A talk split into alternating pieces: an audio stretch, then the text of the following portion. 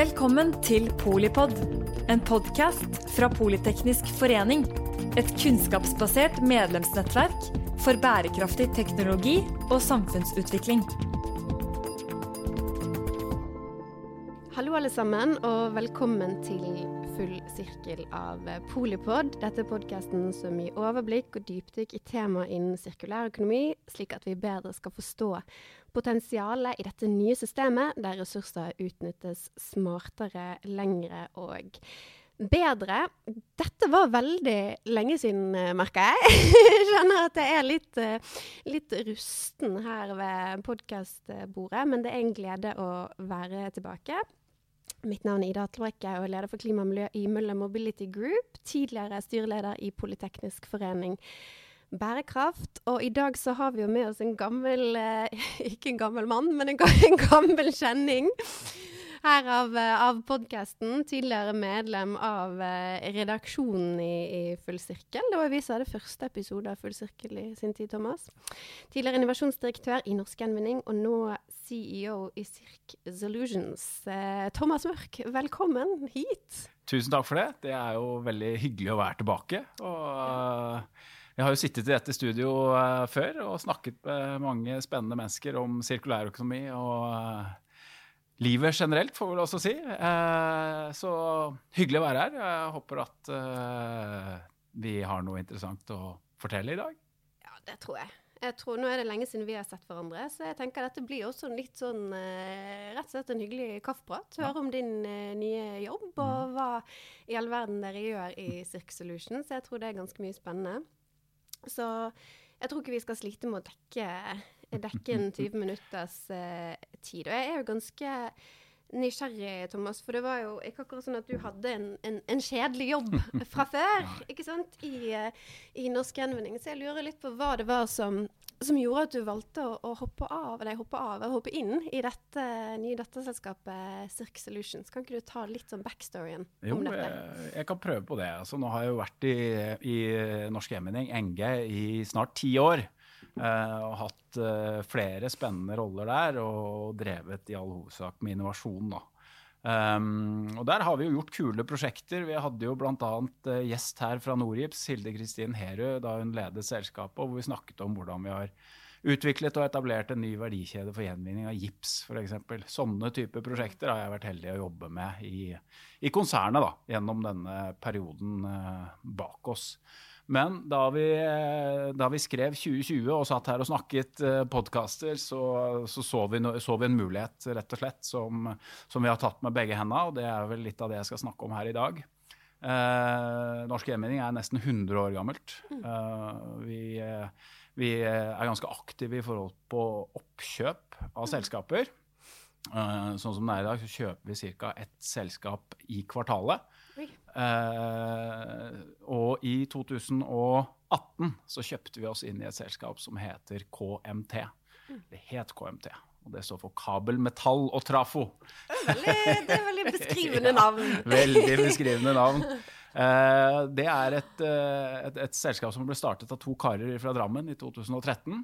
Og de driver jo da med gjenvinning av kabel. Metall og trafo. Og metall og trafo. og det er ikke noe nytt i det. Uh, men det de gjorde uh, altså, Historisk så har man skippet all denne kabelen uh, til Asia. Mm. hvor det har vært håndtert på mer eller mindre gode måter. Uh, de så at dette, disse verdifulle materialene må vi ta til Europa. Det er her vi trenger de. Og by the way, vi kan ikke bare gjenvinne metallene. Så dette består av kobber, mm. aluminium, som er kjempeverdifullt å gjenvinne, men det består av like mye plast. Eh, så allerede da de etablerte selskapet i 2013, så sa de vi skal ta en posisjon på å gjenvinne mest mulig av plasten fra gamlene. Mm. Um, og i, allerede i 2015 så kjøpte de en liten plaststøpefabrikk i Danmark. Uh, hvor, uh, hvor ca. 1000 tonn kabelplast, som vi kaller det, i mm. året, har blitt gjenvunnet til blomsterpotter og kumlokk og litt sånn, kall det lavkvalitetsprodukter, uh, men som erstatter da jomfruelig plast, altså oljebasert eh, produkter, én til én. Og det har gjort at vi har eh, utviklet teknologi og kompetanse til å, til å ivare eller å gjenvinne da, et komplekst kabelprodukt mm. med en veldig høy gjenvinningsgrad. Hvor Eh, ja, og så eh, litt avhengig av eh, input, holdt jeg på å si. Altså Er det en iPhone-ledning, så er det mye vanskeligere enn hvis det er en stor kabel som går gjennom Nordsjøen. Men et sted mellom 70 og 80 eh, klarer vi å hente tilbake. Eh, så det er Jeg har ikke sett noen som er, er, er like høye der. Um, så eh, også dette har vi jo utviklet, eh, denne kabelgjenvinningen har vi utviklet nå i, i da snart ti år. Uh, har et stort anlegg utenfor Tønsberg, og vi har også et stort anlegg i, i, i Danmark. Summen av dette gjør at vi er Skandinavias største kobberprodusent. Eh, en, en urban uh, gruve. Eh, uten på en måte de skyggesidene som sikkert mange har fått med seg når du, når du skal sprenge deg inn i fjellet og ned i jorden. Uh, så det er jo en fantastisk historie uh, i seg selv. Um, men, men det er jo ikke grunnlaget for Cirque Solutions. Eller det er grunnlaget, men det er ikke det, er ikke, liksom det som virkelig er det innovative. Det er det vi har gjort eh, i ny drakt etter at vi etablerte Circ Solutions i uh, Du sa det på en veldig mye kulere måte enn jeg sa det. Sånn, Ja. Sirk! Sirk, ja. ja. Cirk, ok. Nei, ikke sant? Altså, norsk gjenvinning er, funker jo sånn middel, middels internasjonalt, så vi Ja. får se om vi gjør noe med det navnet også. Men Circ Solutions, det er skrevet Med med internasjonal Ja, schwung Det er det, vet du. Så Nei, så, så vi etablerte det i november i fjor, og det var for, å, for å videreutvikle den kabelbutikken, som jeg kaller den. Den butikken er på en milliard i størrelse, så det er En eh, stor butikk. ja, det er en stor butikk. Eh, og leverer jo da liksom, eh, kobber og aluminium til europeisk eh, industri. Til eh, altså det du driver med, f.eks. Elbilbane. Ja, ja, ja.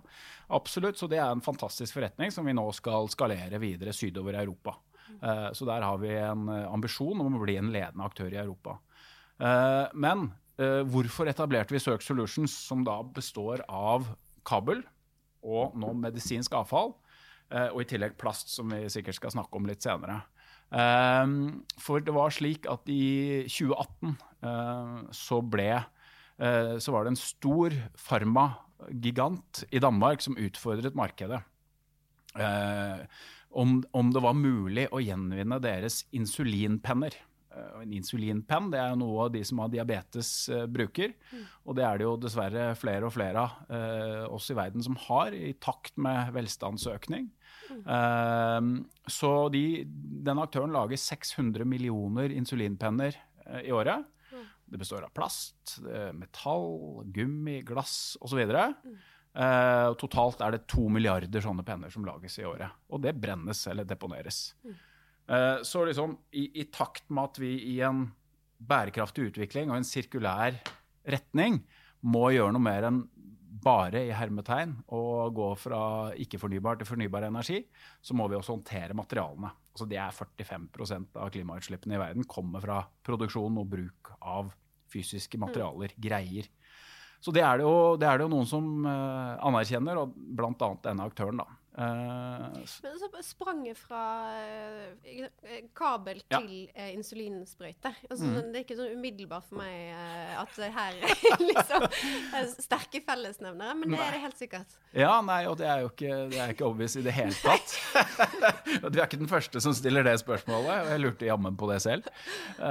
Men hva er medisinsk avfall, da? F.eks. en, en eh, insulinsprøyte. Eller ta den covid-vaksinesprøyta som vi veldig mange av oss fikk eh, for en stund siden.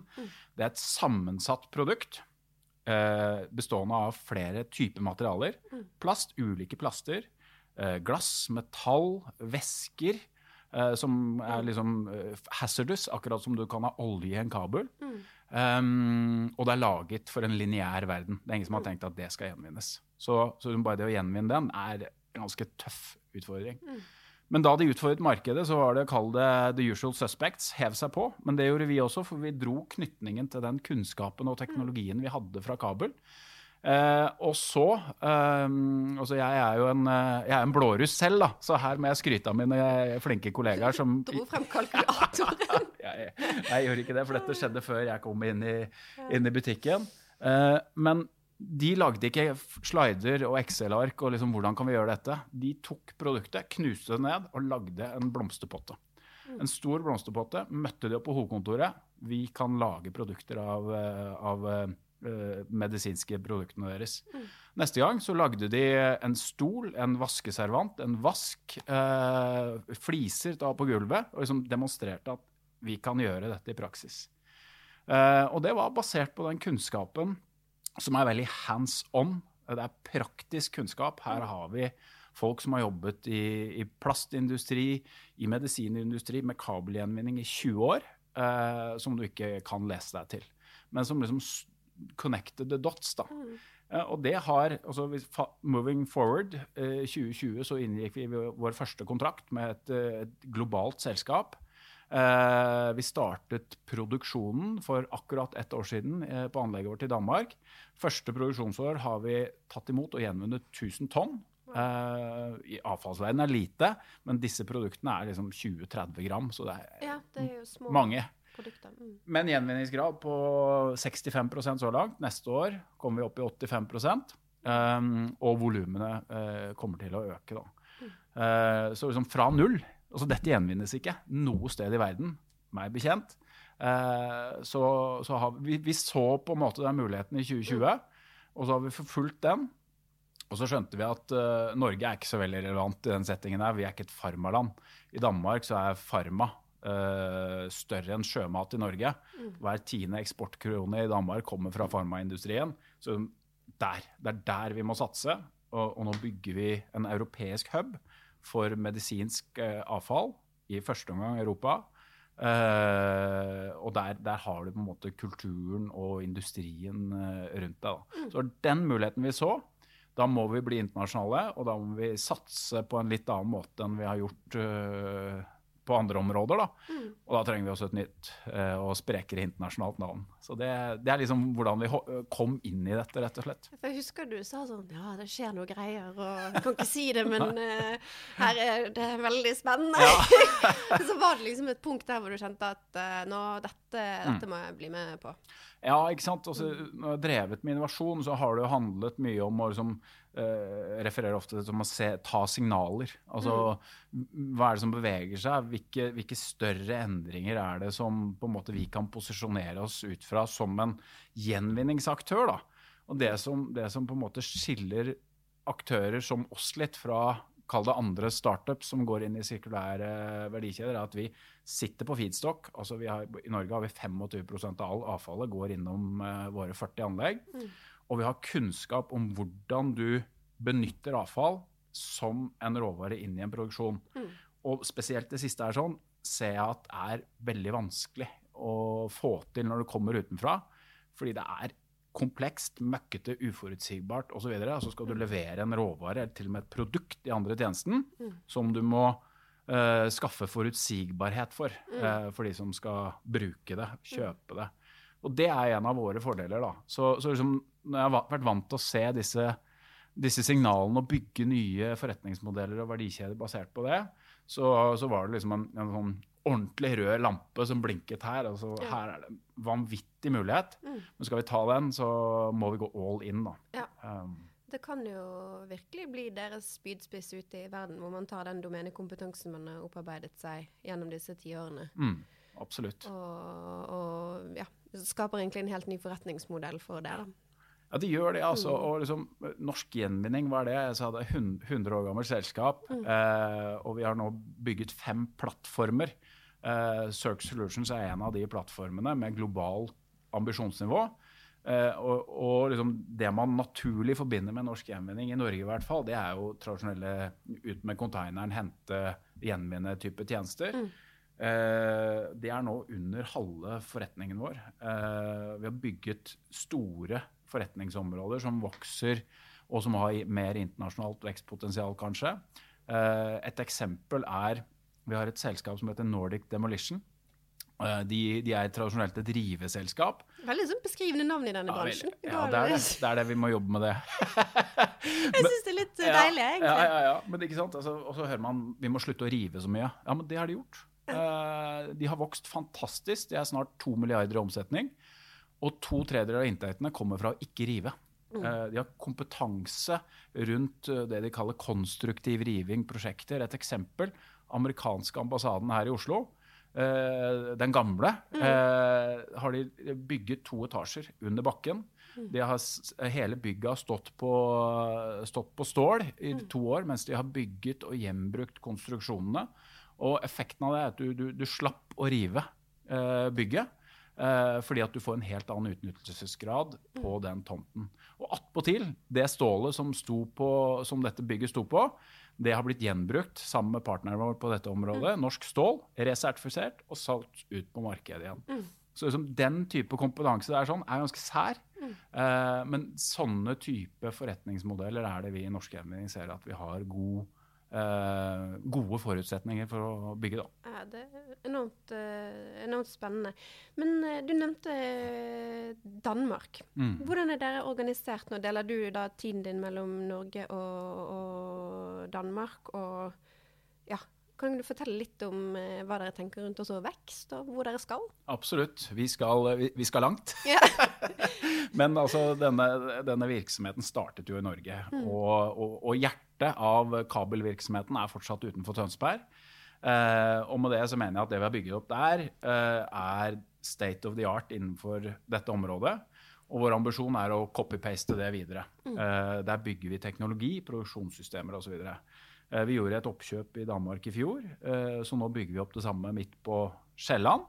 Og så som sagt skal vi videre antagelig først eh, neste omgang til, til Tyskland. da. Var det noen grunn til at man ikke ikke kunne gjøre det i Norge? Er det pga. at markedet, altså markedet for medisinsk avfall det er mye større i Danmark? Ja, ja. Absolutt. Og når vi, når vi, nå bygger opp den medisinske gjenvinningsvirksomheten, så gjør mm. vi det på samme lokasjon som kabel i, i, i Danmark. Mm. Og der, der, har vi for det første et helt annet kundegrunnlag. Vi begynner ikke med sykehusavfall. Vi, vi har ambisjoner mm. om å ta ting derfra også, og vi har faktisk startet å samle inn på Ahus eh, i Norge. Mm. Uh, men, men vi, vi, starter med store produsenter. Jeg sammenligner det litt med byggebransjen. Mm. Uh, da vi for fem-seks år siden så at uh, det blir et gjenvinningskrav på 70% på byggavfall. Dette kan jo du mye om, som, som kommer derfra. Så så, så så, vi at de som virkelig vil dra dette lasset her sånn, sammen med oss, det er, det er store fremoverlente aktører som, som f.eks. Skanska, AF-gruppen, Veidekke, Vedal osv. Mm. Eh, nå ser jeg det samme i Pharma. Så de som, de som, på en måte ser at dette kommer, det kommer produsentansvar, mm. de ser at de må, men også kan skape fordeler gjennom å være tidlig ute. da. Mm. Eh, det, er, det, er, globale selskaper. Eh, og de har en tilstedeværelse i Danmark og nedover i Europa. Eh, og liksom Eh, forståelsen av denne bransjen. Jeg hadde den ikke eh, fra et norsk perspektiv. Er i ferd med å, å lære meg det, forhåpentligvis. Eh, men den er mye, mye tyngre i Danmark. Mm. Eh, så når vi bygger opp dette i Danmark, så, så starter vi selvfølgelig med avfall i Skandinavia, først og fremst Danmark. Vi importerer også fra I løpet av neste år kommer vi til å importere fra England, fra Frankrike, Tyskland, Italia. Og den dagen holdt jeg på å si, volumene blir så store i disse markedene at mm. det er Uh, uhensiktsmessig å transportere til Danmark, så kommer vi til å etablere anlegg uh, sydover i Europa. Ikke sant. Eh. leder meg litt inn på det neste spørsmålet, for jeg måtte jo gjøre uh, grave litt i statistikkbanken mm. i forkant av episoden. da, og eh, Der fant jeg jo det, ikke sant, at eh, tall fra Eurostat viser at 1,5 millioner tonn mm. medisinsk avfall da blir eh, brent eller deponert eh, eh årlig i, i, Europa. Da. Uh, og det er jo noen enorme vil ikke si avfallsstrømmer, men også mm. ressursstrømmer ja. på mange måter. Sant? Så Um, nå har du fortalt litt om hvordan dere som en liten aktør skal prøve å få dette tilbake i, i loopen. Men er dere litt sånn, er, har dere konkurrenter? Er dere alene om mm. denne modellen? Eller er det flere som prøver å posisjonere seg innenfor det mark samme markedet? Ja, um, altså Konkurrentene våre i dag er først og fremst en forbrenningsovn eller ja. et deponi hvor dette går. Og liksom, uh, det er noen som eier de ovnene som fortsatt vil ha dette inn dit, fordi det er veldig lønnsomt, rett og mm. slett. Mm. Så, så, det er en konkurrent. og når det kommer til liksom, eh, det å gjenvinne dette avfallet, så ser jeg ingen andre i industriell skala. Det mm. finnes litt manuelle operasjoner, men fra Norsk Gjenvinning skal vi alltid bygge industrielle løsninger og automatisere og liksom eh, komme dit hvor kosten på det, den materialen vi gjenvinner, er på et sånt nivå at den reelt konkurrerer med jomfruelige råvarer som, mm. som kommer fra verdikjeder som er optimert i 50 år. Og da må du ha skala. Uh, og det er den reelle konkurrenten vi ser i norsk gjenvinning. Det er jomfruelige rå, råvarer. Fordi skal vi, skal, skal vi nå uh, det vi har satt oss ambisjon om i Parisavtalen, mm. så er vi nødt til å få ned materialbruken. Ja. Uh, og for oss, det vi kan bidra mest til med, det er sirkulære løsninger i industriell skala. Mm. Um, så så det er klart, eh, hvordan skal vi som tross alt en liten europeisk aktør eh, få til dette? Og de kundene vi snakker med, har alt fra 50 til 150 000 ansatte. Mm. Det, det, jeg har aldri jobbet med den type selskaper fra Norge. Mm. Uh, så vi møter en helt annen verden, et helt annet compliance-regime.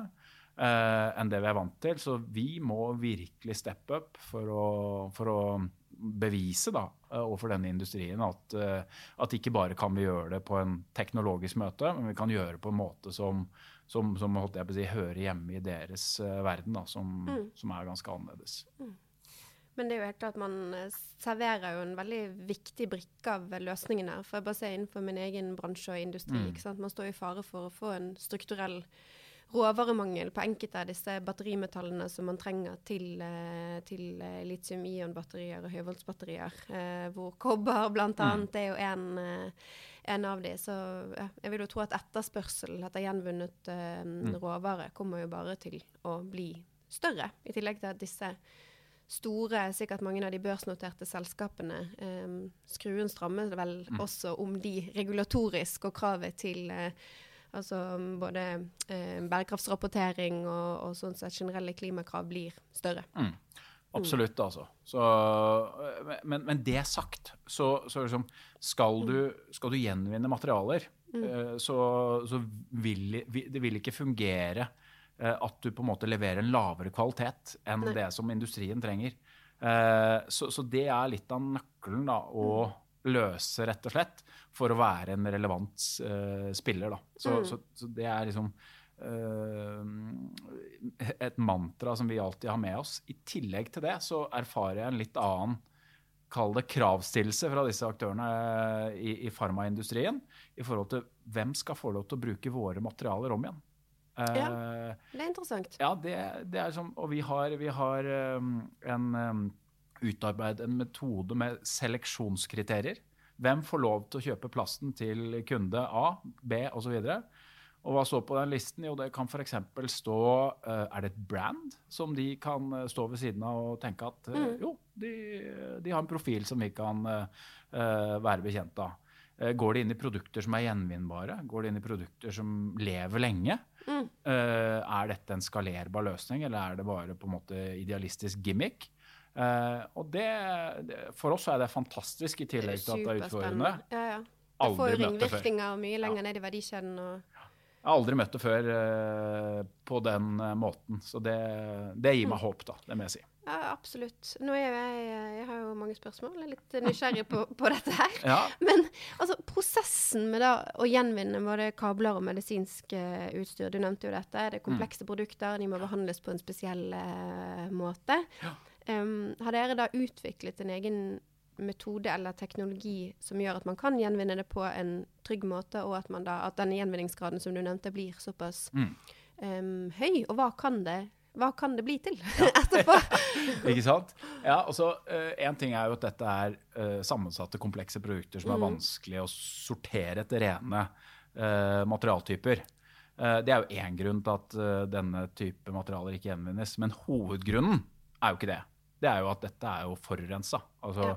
En sprøyte har jo vært i kroppen til et menneske og kan uh, inneholde ja. bakterier, virus, blod osv. Så, videre. mm. så Så liksom uh, Det tryggeste da er å uh, dispose of it, altså mm. å forbrenne det. Bli kvitt det. Mm. Um, så det, det, holder ikke å gjøre det vi vanligvis er gode på, og utvikle en god sorteringsteknologi. så det vi det vi har gjort i tillegg, det er å utvikle det vi kaller en dekontamineringsteknologi. Mm.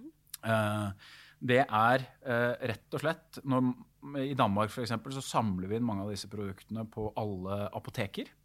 Eh, kunden leverer f.eks. insulinsprøyten sin da, mm. på apoteket. Og så lagres dette før det skippes til oss i, i store trailere. Um, og, men da har det jo uh, kontaminer kontaminering, ikke sant. Mm. Eh, det vi gjør da, er at vi knuser det, og så sender vi det gjennom teknologien vår for dekontaminering, som vi kaller sterilison. Det er en, eh, det er en våt prosess. Sterilison? Sterilison. Ja, eh, hvor det er ikke noen bruk av kjemikalier. Eh, det er ingen utslipp. Eh, vi bruker kun strøm. Mm. Men her er det noen smartere hoder enn meg som har mm. utviklet en metode da, som jeg ikke har lyst til å gå i detalj på, eh, hvor alt av bakterier, virus osv. brytes ned. Mm. Eh, så når dette kommer ut av vannet, så er det helt fri for bakterier, vira osv. Det vi oppnår da, er at vi gjør klinisk risikoavfall gjenvinnbart. Mm. Så det er den første delen av prosessen vår. Mm. Den andre delen er den sorteringsteknologien som, som vi snakket om litt mm. tidligere. Og det er, det er, der vi oppnår gjenvinningsgraden. Men det ville jo ikke vært mulig hvis vi ikke hadde, hadde dekontamineringsteknologien. Da. Så mm. det er Uh, vi, har fått, uh, vi, har vunnet noen fri, priser blant annet i det siste, og det er jo nettopp pga. det vi gjør på dekontaminering. Da, at vi mm. gjør det gjenvinnbart. Og at da, du da åpner opp for muligheten til å gjenvinne disse halvannen million tonn medisinsk avfall i, mm. i, i Europa f.eks. Ikke sant. Det er ikke, noe, det er ikke noe pant på den type medisinsk utstyr. altså Havner mye av det utenfor um, loopen, eller er det vanligvis sånn at sant, dette samles inn på et legekontor, og, mm. og, og de havner ikke så, så, ofte på avveie, kanskje? Nei, altså det, det, For det første så spørs det jo hvor du er i verden. Ja, uh, i, I, Skandinavia så altså, Sykehusene håndterer jo avfallet sitt mm. på forskriftsmessig måte, men det betyr jo at det blir brent på en mm. trygg måte. Men du får jo ikke noe ut av materialene. Vi samler inn på apoteker i Skandinavia. Eh, medisiner du tar hjemme, om det er astma eller insulin eller andre ting. Mm. Eh, noen leverer det inn. Veldig mange kaster det i restavfallet. Mm. Eh, så um, dette, um, dette, dette, forsvinner ut av kretsløpet på ulike måter. Mm. Er du i du i Syd-Amerika, Nord-Amerika, så havner du ofte på et deponi. Ja. Så der har du jo berg av kontaminert avfall i tillegg til uh, waste of resources.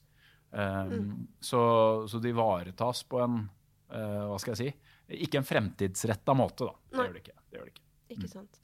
Um, tilbake til hva det kan da brukes til. Ja. Du nevnte både blomsterpotter ja. og stol og forskjellige ja. Uh, ja, det er litt nysgjerrig på bruksområdet på den gjenvunne råvaren. Det er sikkert mye forskjellig.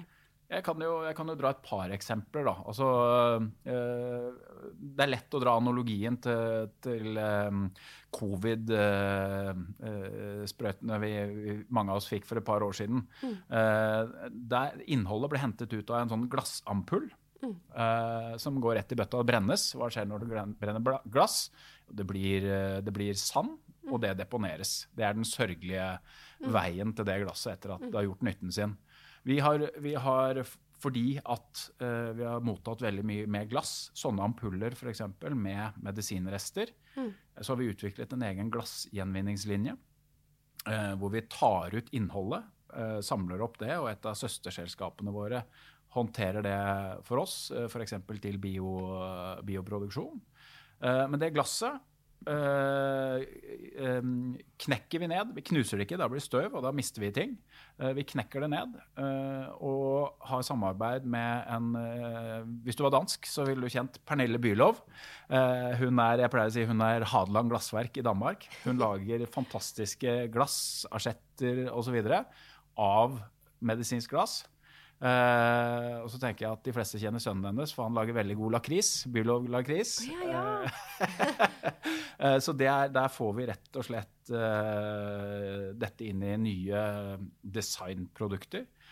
og så er det sånn at hun, hun kan jo ikke ta unna mange hundre tonn, så da, da bruker vi resten inn i isolasjon f.eks. Mm. Og det er et langlevet produkt. Det kan vare i 50 år. Det tar ned energiforbruket i huset osv. Uh, på plast, uh, som det er mest av, og for å være helt ærlig, det er det disse farmaaktørene bryr seg mest om. Ja. Um, så plast er ikke plast. Uh, det å gjenvinne ren plast til nye produkter, altså ren, det betyr én type plastkvalitet, som panteflaskene vi har i Norge f.eks., det er PET. Det er enkelt når du har sortert det for seg, da kan du lage nye produkter av det. Så vi må skille ulike typer plastkvaliteter fra hverandre. Og så sørge for at det er uh, en renhet mm. som gjør at dette kan konkurrere med Virgin Plast uh, og gå inn i nye produkter. Og noen av disse plastene er, er sånn teknisk plast med, plast med veldig høy kvalitet, fordi at det er veldig høyt krav til eh, funksjonalitet. da. F.eks. Eh, medisinen din skal funke like bra i minus 40 på Grønland som eh, pluss 40 på Maldivene. Det, det påvirker eh, si, robustheten da, til dette som går inn. Eh, det sagt, da. Så hva, hva, bruker vi dette til? Og vi har jo, vi har jo samarbeidet med aktører i verdikjeden for å, for å, få dette inn i produkter som, eh, som er gode og langlevede osv. Men vi så at skal vi få virkelig tak på plastverdikjeden, eh, så trenger vi å gå et skritt selv. Et skritt videre selv. Vi kan mm. ikke bare lage plastråvare. Vi har lyst til å lage og, og ta en del av verdikjeden for å lage produkter, f.eks. Mm. Så, så faktisk eh, designe opp og gjøre den biten? Yes. Uh, så det er jo det er, da, har vi, da, har vi, jo som aktør i bransjen så kjenner vi jo uh, veldig mange der ute. Et selskap som, uh, som vi har samarbeidet med lenge, heter Lettbekk. Et dansk selskap som er 49 år gamle. Mm. holder til på Jylland. og de så vi at de vil være en perfekt match for oss. Eh, så i 2022 så har jeg brukt mye av tiden min på å forsøke å få til et oppkjøp av den virksomheten. Eh, og det gjennomførte vi i forrige uke, faktisk. Eh, så nå eier vi, eier vi Lettbekk. Det de gjør, er at de er, de er en plastprodusent. fabrikken i Danmark bruker 80% resirkulert plast inn i produksjonen sin. Jeg har ikke sett noen andre aktører som, som er på det nivået. Uh, og der lager de produkter til bygningsindustrien, til uh, havbruk, norske kunder f.eks., uh, landbruk osv. Så, så har en fantastisk utnyttelse av plasten. Mm. I tillegg så har de tatt en posisjon innenfor en annen stor dansk um, forretningsområde, mm. møbelproduksjon. det er de som kan sin møbelhistorie bedre enn meg, men jeg har fått med at det, er, det kommer jo store designere som eh, Arne Jacobsen f.eks. Fra, fra Danmark. Og det er en størkt, størk, stolt møbelproduksjon der. Så, så Lettbeck da, har i Danmark en del år, og nå senere en egen virksomhet i Polen. Eh, etablert en virksomhet hvor de produserer eh, kjente designmøbler mm. basert på avfallsplast, da, for å kalle det en spade for en spade. Eh, så, og det er to måter de gjør det på. En er altså, Kall det hardplast da, eh, til aktører som f.eks. Hei kan det være mange som eh, kjenner. Varier med stokkemøblene her i Norge. Hvor man støper da plast, det du sitter på, mm. eh, av resirkulert materialer. Og det er en kjernekompetanse de har, som ikke så mange andre har. Og disse brandsene ønsker jo mer og mer av bærekraftige materialer. Uh, en annen ting de gjør, er å lage altså, skummøbler. Altså myke møbler med såkalt såkalt purskum. Da. Uh, og da har du f.eks. Svanen og egget til Arne Jacobsen og Fritz Hansen. er det, De eneste som lager innmaten til de, det er nå oss i hele verden. Det er, og det gjør at liksom du kan, du kan fortelle hele historien til om det er medisinsk avfall eller om det er folie vi henter inn hos eh, Maxbo eller eh, Norgesgruppen, så kan det ha en helt annen reise, en sporbarhet eh, og et for å være ærlig, dritkult produkt da, i enden som, som kan skape litt følelser og engasjement. da. Mm. Eh, så det er fantastisk fornøyd med å ha fått på plass den brikken av verdikjeden, for det gjør at liksom, vår mulighet til å skalere dette internasjonalt eh, basert på, eh, holdt jeg på si, den, den verdikjedeleveransen som jeg ikke ser noen andre i verden kan tilby, faktisk. Mm. Eh, det, det, gir oss en, en fantastisk mulighet. Da. Absolutt. Um, men Thomas, du har jo aldri vært en fyr som har sittet og ventet på noen sirkulære strategier og lovgivning og ting som skal gjøre det både enklere og mer lønnsomt å få ting inn i loopen. Du er jo typisk en person som bare går i gang. Ja. Um, så er, er, på en måte veien uh, bred og, og vid åpen, eller har du noen, uh, noen nyttårsønsker for uh, er det, er det, ting som kunne gjort uh, vekstreisen deres uh, fremover litt uh, enklere? For jeg ser jo for meg at i og med som vi snakket om dette komplekse eh, produkter som sikkert også er underlagt ganske strenge lovverk, så, så er det vel ikke bare bare å få Ja. det inn i loopen heller. Nei, det er jo ikke det. Og, og, og den eh, retningen vi går, Mm. den er jo egentlig stengt. Uh, altså, det, er, det, er, det er ingen som har tillatelse til å behandle medisinsk avfall, annet enn å forbrenne det eller deponere det. Eh, så, så det var jo noe av det første vi måtte ha i, da vi etablerte oss i Danmark. Og, og der igjen da, så kjenner danske politikere kjenner farmaindustrien, og de er sikkert som i Norge. da, eh, Olje og gass er viktig for eh, Norge, så de har en, en god lobby inn i myndighetsapparatet. Det samme har Farma i Danmark. Så de, de var med å på en måte skape forståelse for at dette er noe som eh, vi trenger. Skal vi, skal vi gjøre industrien vår mer, mer bærekraftig. Så um, på Sjælland, altså anlegget vårt der, så har vi en tillatelse til å ta imot og behandle et utvalg av medisinsk avfall. Det må vi ha alle steder vi skal etablere virksomhet. Vi ser på Brasil, vi ser på USA, eh, vi ser på andre europeiske land. Eh, så, så det eh, vet jeg at kommer til å bli veldig vanskelig. Eh, så hvis det var noe jeg skulle ønske meg, så var det at avstanden mellom festtaler og sirkulære strategier eh, til liksom det lokale myndighetsapparatet som må gi, som, som er innvilgende myndighet da, for eh, tillatelse til, til å gjøre det i praksis, at den avstanden ble mindre. Og, og akkurat det samme har vi i Norge. Når vi nå samler inn fra, fra norske sykehus, vi begynner jo rundt uh, Oslo, så er vi nødt til å transportere det i første omgang til uh, det ene anlegget vårt i Norge som har, har lov til å ta imot uh, denne type farlig avfall som er, det er kategorisert for, i Porsgrunn. Ikke så hensiktsmessig. Så vi har nå søkt om tillatelse til dette på anlegget vårt her i Oslo. Og det er en prosess som kan ta mange år. Mm. og liksom da, da, da dropper vi Norge, rett og slett. Eh, og satser heller på land som er mer eh, hva skal du si, eh, samarbeidsvillige, da, som har mer speed, som Danmark. Eh, og liksom, eh, hvem, hvem er det å gå utover at, at vi eller andre aktører som har andre typer løsninger dropper Norge? Det er ikke først og fremst uh, oss, selv om vi gjerne har lyst til å tilby dette som et norsk selskap til norske kunder. Men det er jo liksom uh, denne bedrift, eller virksomhetsområdet i Norge som ikke får tilgang på løsninger. Uh, og det er miljøet som, som taper. Så, så liksom Jeg opplever også i Danmark at liksom, man har uttalt sirkulære ambisjoner. Men så er det avstand i forhold til eh, liv og lære, rett og slett. Da. Og det, jeg har stanga hodet i den veggen i mange år, og det tror jeg vi skal fortsette å gjøre i mange år, dessverre. Eh, så, så det er synd. Og så er det liksom Forståelsen av sirkulærøkonomi er fortsatt uh, på et ganske grunnleggende kunnskapsnivå, vil jeg si. Det er de samme eksemplene som gulper opp, gulpes opp. Og det er gjerne liksom, er, det, er, det er fortsatt sånn I Danmark så bruker man et godt engelsk uttrykk om, om bærekraft uten innhold. Hot air. Eh, kanskje man gjør det her òg. Det er det jeg hørte mest.